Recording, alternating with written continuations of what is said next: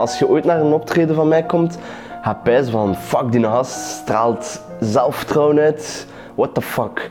En dan kom ik zo van dat podium en ik zo, hey.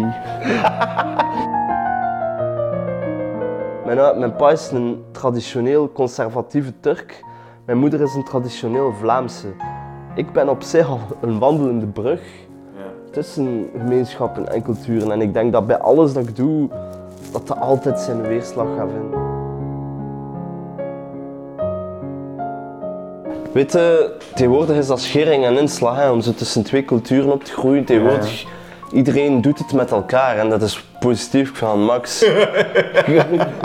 maar in die tijd, en zeker ook omdat het zo'n probleemsituatie was, ik had geen stabiele gezinssituatie. Dus Je hebt er ook, veel, hebt er ook nummers over geschreven, of in nummers Ja. over geschreven, hè, over, Ja. over zo, eh, door iedereen in een kotje gestoken worden. Ja. Ja, ja, ja. Of bij, onder, onder Turken zijn een zoon van een en- want dat was ook op de Wisselberg, op de NSO, in de, in de blanke klas, was ik zo de, intellectuele, vlotte, coole jongen, zo, weet wel. Zo de, ik zat op hun niveau, kon communiceren van de, de middenklasjongeren.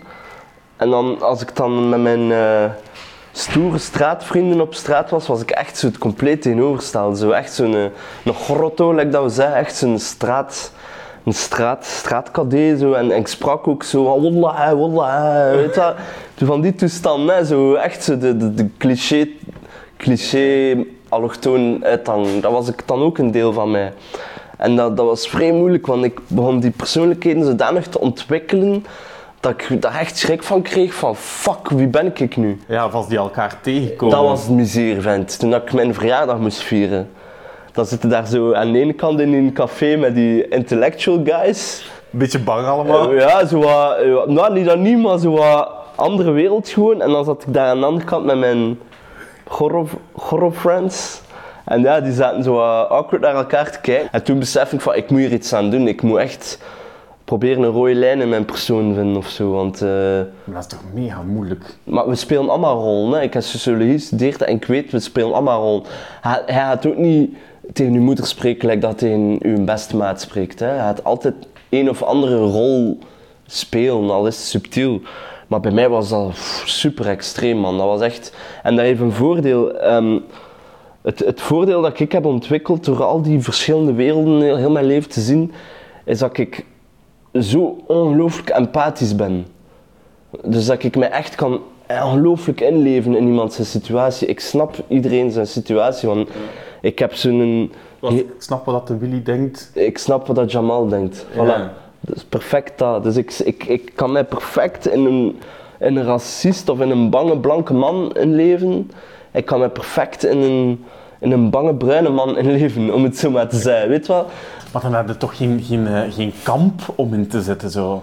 Als je die twee begrijpt, hè, dan zit het toch zo'n soort van thuisloos. Ja, le cul entre deux chaises, hè, zeggen ze in het Frans. Dus, eh, maar dat is ook iets dat ik nog belangrijk vind om daarbij te zijn, is dat de, de maatschappij dwingt je om een kamp te kiezen. Like dat je nu ook aangeeft van, je voelt een druk heel hard van de maatschappij, van de media, van, van gewoon je omgeving, je directe omgeving. Van het is wij tegen zij en je moet ofwel de wij ofwel de zij. En ik had nooit het gevoel dat ik wij of zij was, ik had het gevoel wij zijn allemaal wij.